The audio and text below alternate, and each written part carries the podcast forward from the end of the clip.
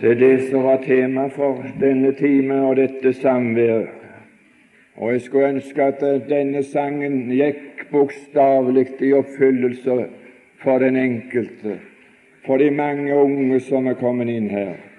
At du fikk skue noe som overvelder. Jeg står overveldet og skuer Guds kjærlighet.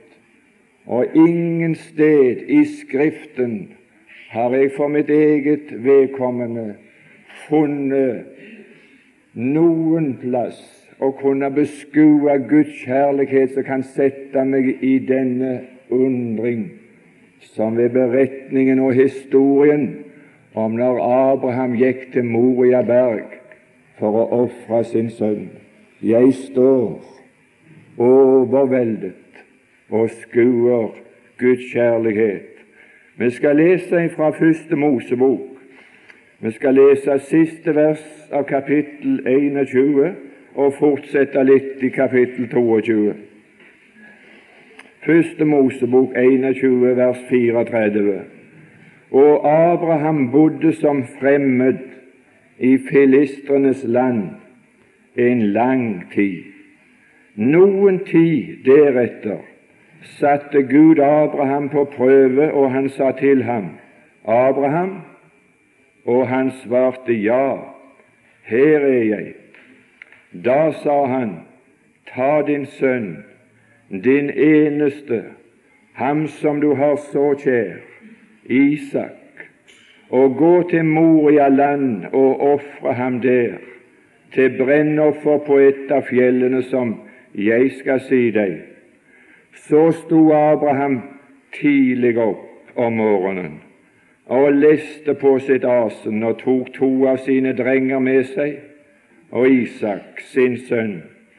Han kløvde ved til brennofferet og gav seg på veien til det sted Gud hadde sagt ham.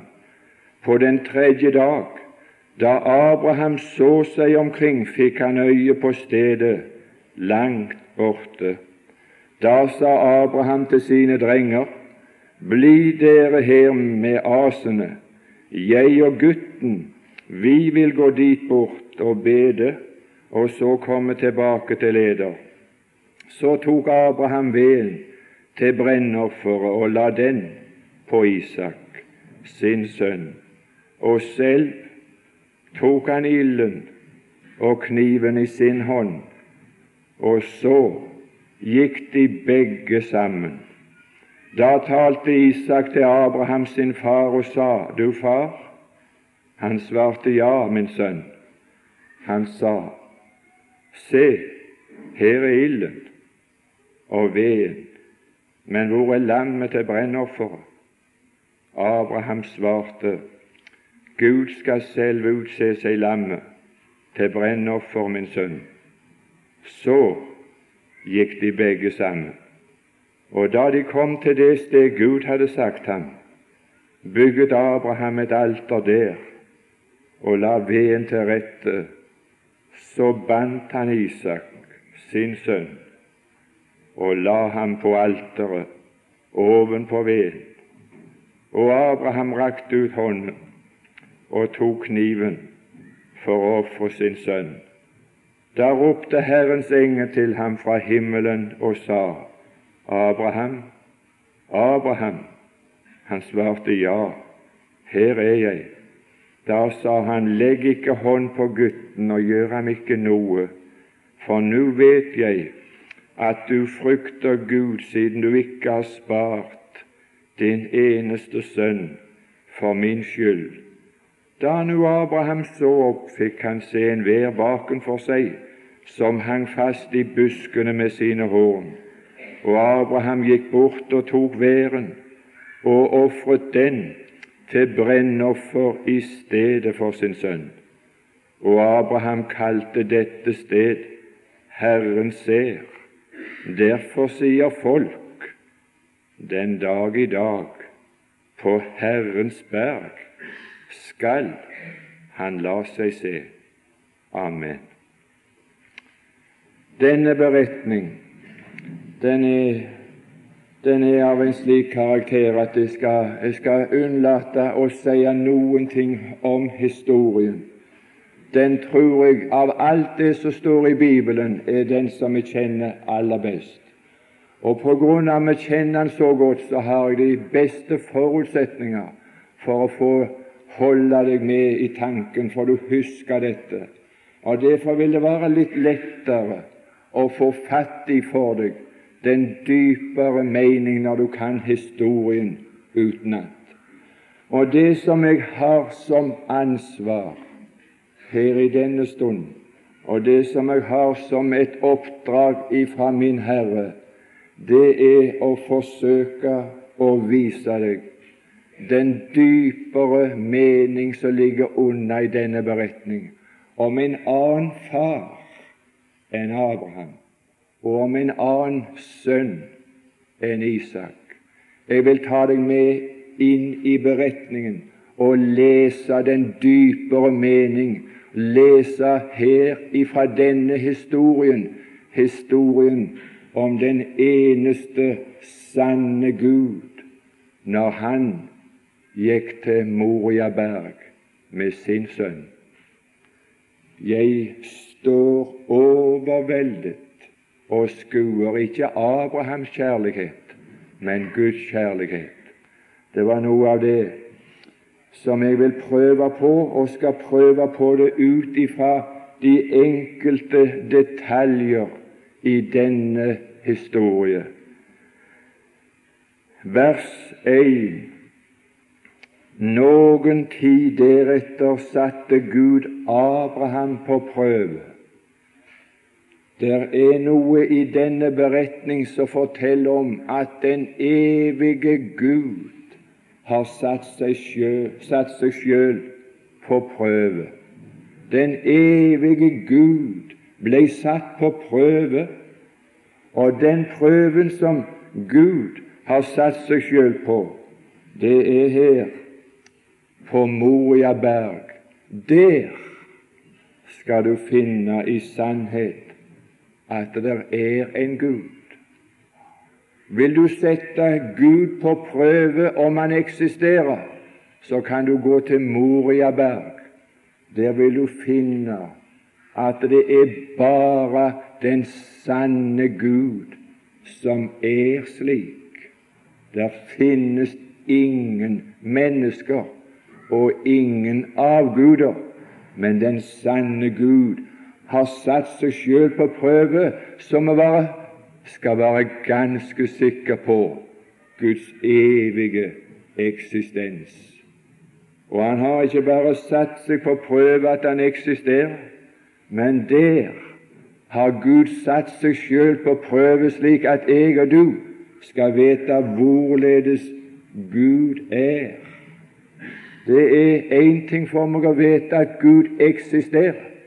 Det er en ganske annen ting for meg å få prøve hvorledes Gud er, hvorledes Han er, og hvorledes Han er imot meg. Der blir det prøvd på Golgata, på Moriaberg.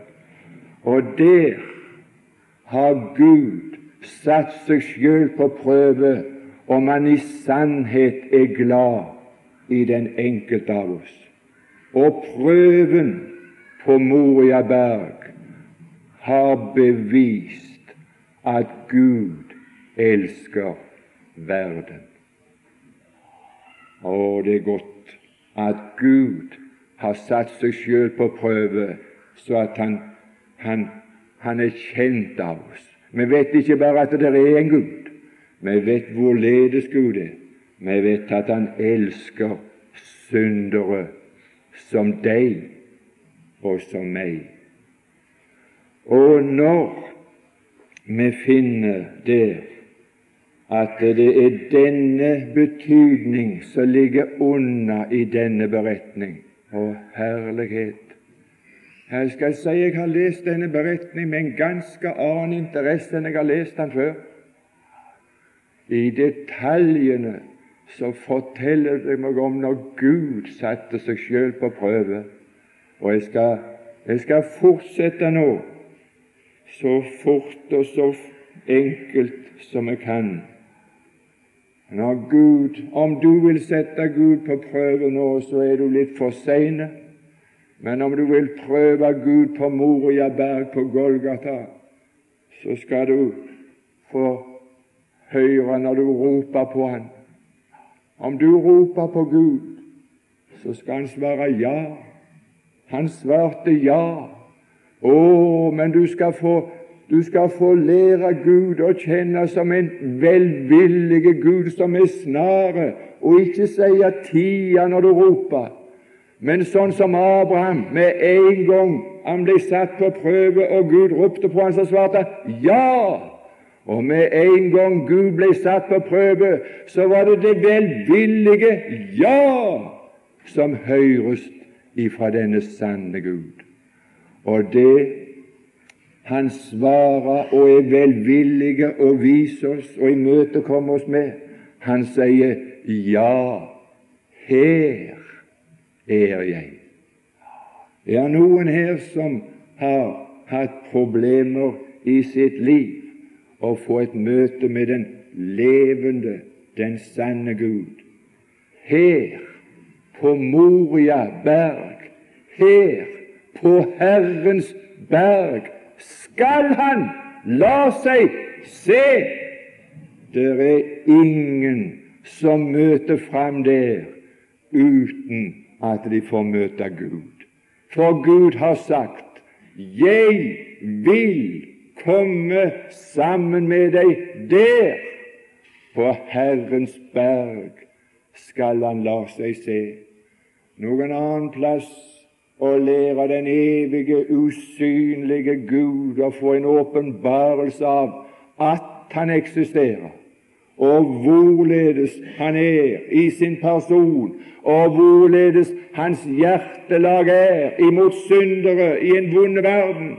Det er Golgata. Jeg står overveldet og skuer Guds kjærlighet Gud har vært på prøve, og prøven beviste at Gud i sannhet elsker syndere som meg. Det var noe mer under denne prøven som kommer fram, denne velvilligheten hos Gud, som jeg undrer meg over. Når han svarte ja, her er jeg. Jeg skulle tro at Gud hadde vært alle andre steder enn der, men der er han.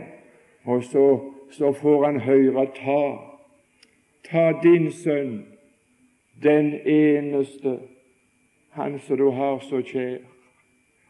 Jeg leser ikke om Abraham lenger, jeg leser om den evige Gud. Ta din sønn, den eneste, han som du har så kjær. Skal si at Gud setter seg på prøve. Og du store min, jeg håper det at du som får den lykke i livet å være med på et bibelkurs som dette. Jeg kan bare knytte inn at det er noe av det som jeg takker Gud mest for etter at jeg ble frelst, at jeg ble ledet inn på bibelkurs, bibeltimer, fra morgen til kveld, og ble overveldet av en kjærlighet ifra Gud som har tatt meg til fange frivillig. Jeg kan ikke si mer om det skulle ønske at de unge sjeler her fikk skue Guds kjærlighet på en sådan måte du ble overveldet og bonden faste Herren for tid og for evighet. Det kan bare skje som en virkning av den årsaken ifra Golgata. Det er årsaken, så kommer virkningen her. Ta Jeg klarer ikke å få sagt noe om det, dessverre. Jeg skulle ønske å ha fått, fått gitt deg noe i forbindelse med det som her står om din eneste sønn. Det står annerledes sagt i Hebreerbrevet 11 om Abraham. Han ofra sin enbårne sønn. Og det er nødvendig å få hjelp av hverandre. Hva betyr enbåren? Betyr det bare den eneste som er født? Når det gjelder Guds sønn, som Gud gav, og som Gud ofra, så kjenner han ikke til noen fødsel. Ordet 'enbåren' i Bibelen har ingenting med å bli født å gjøre. Det har ingenting med å være enebarn å gjøre. Uttrykket er brukt om den Herre Jesus bare fem ganger i Bibelen, og det taler om et forhold han hadde hos sin far i evigheten. Og det har ingenting med å bli begynna, for Jesus som Guds sønn hadde ingen begynnelse. Han er ifra evighet av, ifra fordomsdager, og har ingen begynnelse og ingen livsende. Så det å være Guds enbårne sønn, det betyr ikke at han var født av Gud. Han var ifra evighet av. Men det var den eneste som Gud hadde jeg kan ikke si det, jeg kan ikke bruke noe tid av det, for da vil vi ikke få tid til det som det mest av alt ligger på mitt hjerte. Men med ordboka di så kan du finne hjelp til å finne hva det uttrykket står i sammenheng med de fem gangene det er brukt. Du får, får bare ha den hjelpa. Så står det Så Nei, så sto det meg, ta din sønn, din eneste, ham som du har så kjær, Isak. Isak var ikke Abrahams eneste sønn, så det kunne ikke bety det at han var hans eneste sønn. Han hadde Ismael før. Men Isak, han var den eneste som alle Guds løfter var, var knytta til. Han var den eneste som alle Abrahams forventninger var knytta til. Gud hadde en sønn i evighet som var Guds livsopphold. Alt det Gud hadde behag i, det hadde han funnet i sin sønn. Vi hører så ofte om Guds rikdom, at Gud var så uransakelig rik. Ja, på mange ting var han rik, men han var ikke rik på, på sønner. Han hadde bare én. Han hadde bare ett lam. Han hadde bare én sønn. Og Så var det sånt Gud elska. Det var noe som vakte Jesus sin store oppmerksomhet når han gikk her i denne verden. Det var en dag han satte seg ved tempelkista, og så så han ikke at folk gav gaver til Herrens sak, men han satte seg ved tempelkista, og så så han hvorledes de gav. Og så så han at mange gav meget. Men de som gav meget, de gav av sin overflod. Men så så han en som han stanste opp for, så han syntes ligna så skrekkelig på hans far. Han så ei fattige enke. Gud var fattig på sønner. Han hadde bare én sønn, en eneste. Og så var det ei fattig enke som hadde et eneste øre, og så gav hun hele sitt livsopphold. Å, jeg står overveldet og skuer Guds kjærlighet, at når Han gav, så gav Han ikke av sin overflod. Han gav ikke at noen tigga han. Gav alt. Han gav. Han gav alt det han sjøl setter pris på. Alt det han sjøl var glad i, det ga han for å vise at han elsker meg. Og jeg klarer ikke å gi noe mer uttrykk for det. Jeg skal lese noe her for deg. Jeg skal lese noe her som er aldeles overveldende for mitt vedkommende. Så står det Så sto Abraham tidlig opp om morgenen. Jeg skal fortelle deg at Gud sto tidlig opp. Gud sto tidlig opp når det gjaldt den enkelte av oss. Han sto så tidlig opp at når Paulus skriver til Titus, så kunne han skrive i det første kapittel og andre vers Gud har lovt oss evig liv ifra evige tider. Jeg skal si han var tidlig oppe og lovte syndere evig liv. Han sto opp i evige tider, og så gav han et løfte om evig liv til syndere som ennå ikke var skapt, og ennå ikke var blitt synder. Jeg skal si han var tidlig ute med sin kjærlighet.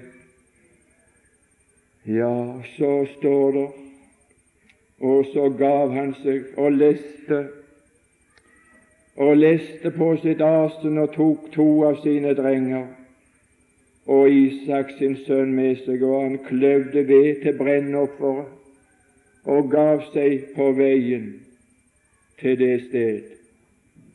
Og du herlighet, det var tidlig Gud gav seg på veien til det sted, til Moriaberg. Jeg leser om det så tidlig som i første Peters brev, det første kapittel, det tjuende vers.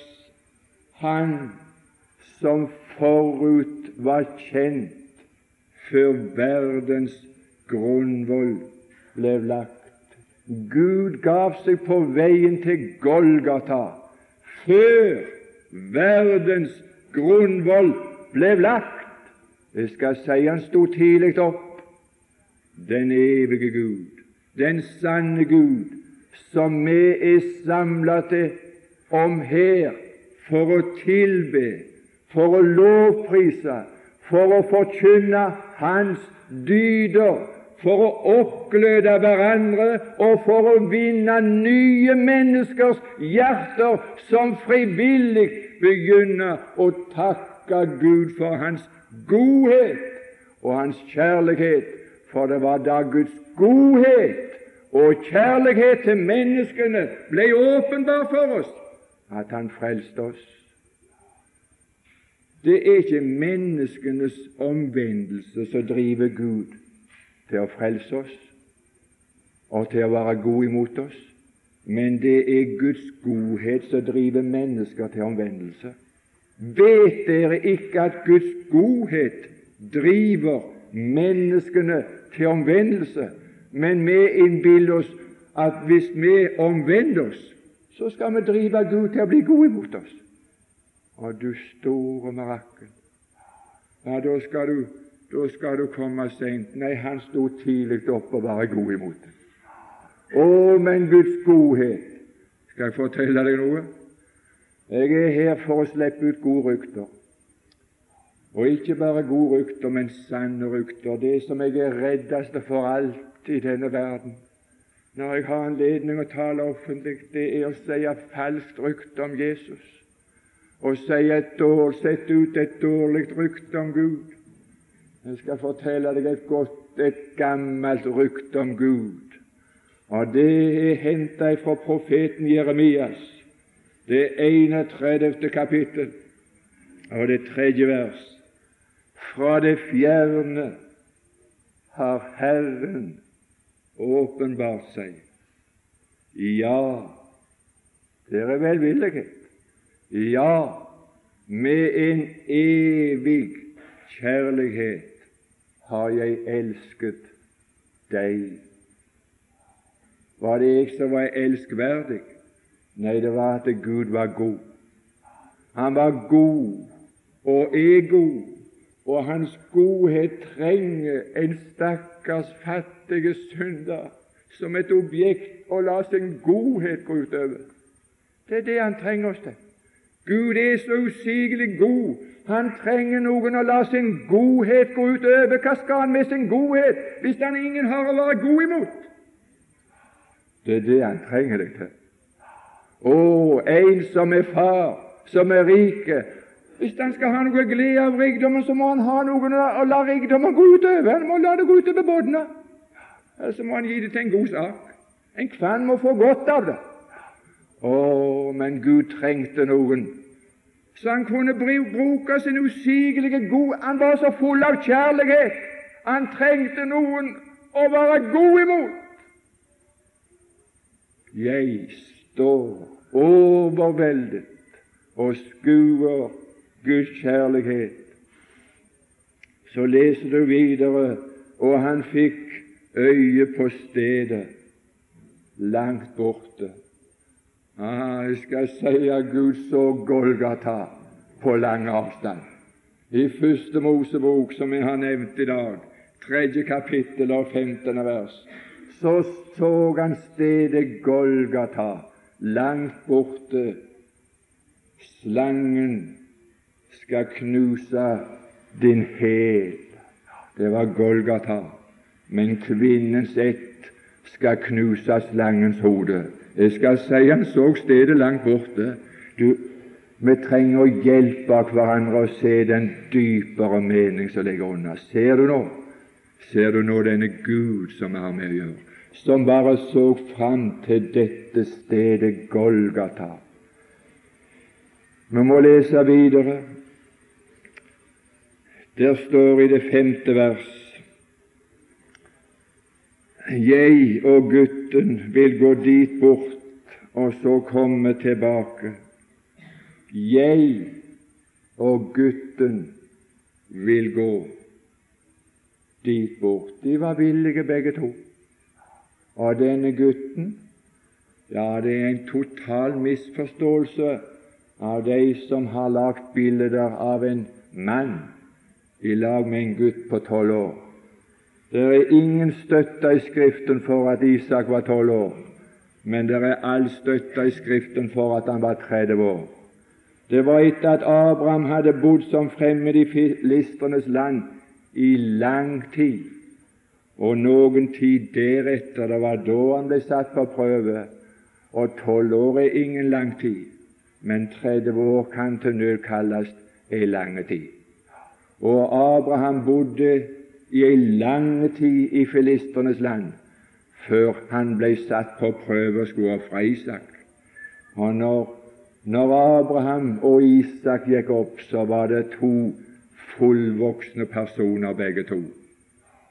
Og når, når Faderen og Sønnen gikk til Golgata, så var de villige begge to. Den ene gikk ikke i blind lydighet av en, av en kynisk faderautoritet, så at han måtte ly av faren, enten han var vond eller god. Men de var enige begge to. Jeg står overveldet og skuer Guds kjærlighet om en far og om en sønn så var enig å gå til det sted for min skyld. For min skyld.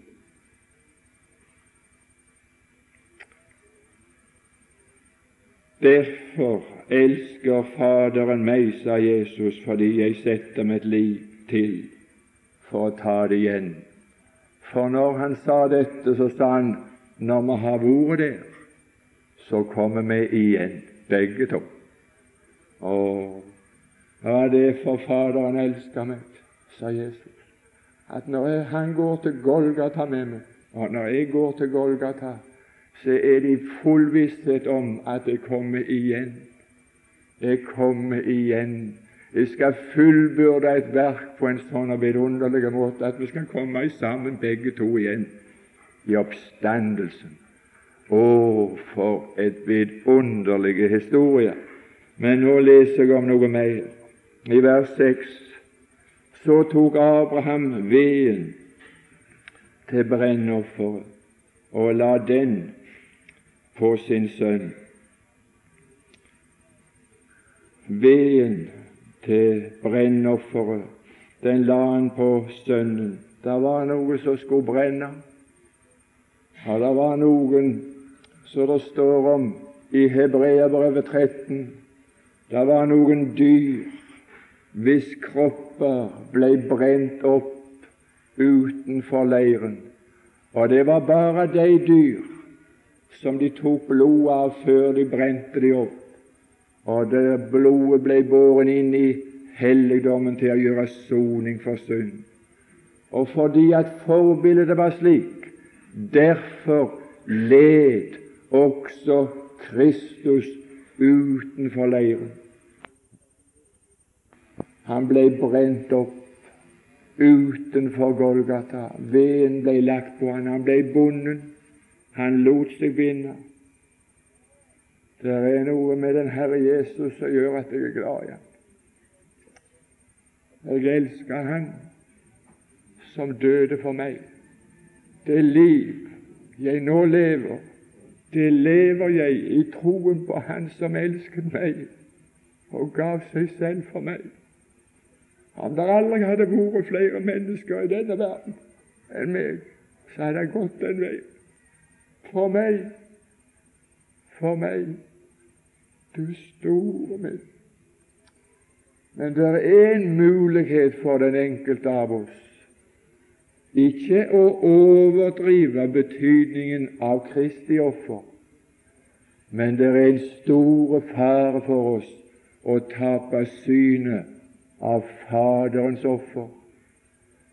Den byrde som ble lagt på Sønnen når veden ble lagt på Isak, den skal jeg fortelle deg var lettere enn den byrden som faren hadde.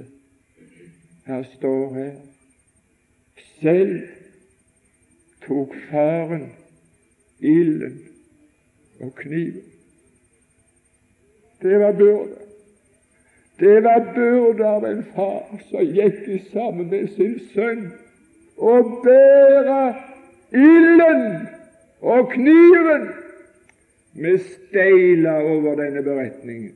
Men her er ingen grunn til å steile over beretningen om Abraham og Isak, for der ble det ingen menneskeofring. Gud tillater ingen menneskeofring. Der var det som skjedde når Abraham løfta si hånd på Moria berg. Så kom det ei røst ifra himmelen av en som vågte å passe på. Og så ropte han Abraham, hva er det du gjør? Stans!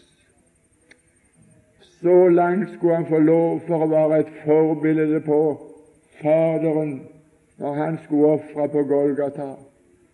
Men så kunne han ikke være forbilde lenger. På Golgata der var det en far så selv hadde ilden og kniven. Og han hadde en sønn i 30-årsalderen som frivillig lot seg binde og lot seg legge oppå veden og lot seg brenne. Men det var farens hånd som hadde byrden av å la kniven og straffen og ilden ramme ham. Jeg står overveldet og skuer Guds kjærlighet det gjorde han for å frelse syndere som meg. Og så kan folk dra Guds godhet i tvil. Kan Gud være god, sier de, som er slik og slik og tillater det og det? Kan han være annet enn god, en som ikke har spart sin egen sønn, men gav han for oss alle? Å, denne Guds godhet, den dreiv meg en dag til omvendelse, som har holdt meg i samfunn med denne gode Gud. Jeg trives hos Jesus, der trives min sjel så usigelig vel.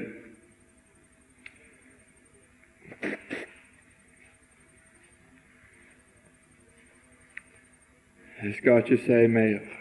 Det er ikke mer. Har er bare litt å nevne før vi slutter det av. I denne historien ble også sønnen satt på prøve. Han gav seg òg tidlig på vei. Han var sammen med far. Og han fikk også øye på stedet tidlig. Dette sier han idet han treder inn i denne verden.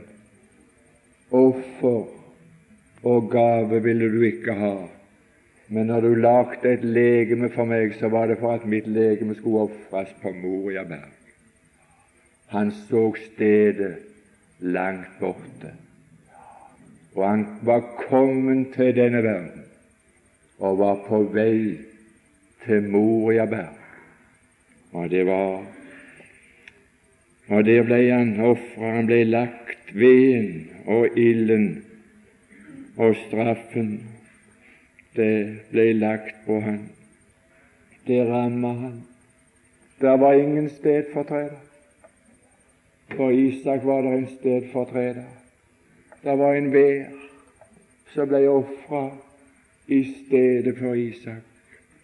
Men det var ingen stedfortreder for den evige Gud. Det var ingen som kunne erstatte hans død. Det var den eneste måten at han kunne være god imot Adams fallnett, god imot alle, mot meg dog især. Og det har han vært inntil i dag, til i dag. Tror du han kan noe annet? Tror du at en god Gud som har satt seg slik på prøve og vist at han er så god, tror du han kan noe annet? Gud kan ikke noe annet enn gi. Og gi, ikke litt, men gi oss alle ting med ham. Det er spørsmål hvorledes skulle han kunne noe annet enn gi. En som er så god, enn gi, og gi oss ikke litt, men alle ting med Han, Herre Jesus. Jeg er blant deg som du har vunnet ved ditt blod. Jeg er av deg som frivillig i mitt liv vil tilbe deg, takke deg. Jeg er kommet til troen på at du elsker meg for å frelse meg, for å føre meg til en evig herlighet, for at du i de kommende tider skal vise din nådes overvettes rikdom i godhet imot meg, imot alle det du får forbarma deg over. Herre, måtte du vinne noen her i disse dager måtte noen merke denne vidunderlige ømhet og godhet og kjærlighet til ditt hjerte som banker for oss alle, og ikke gjør forskjell på noen. Amen.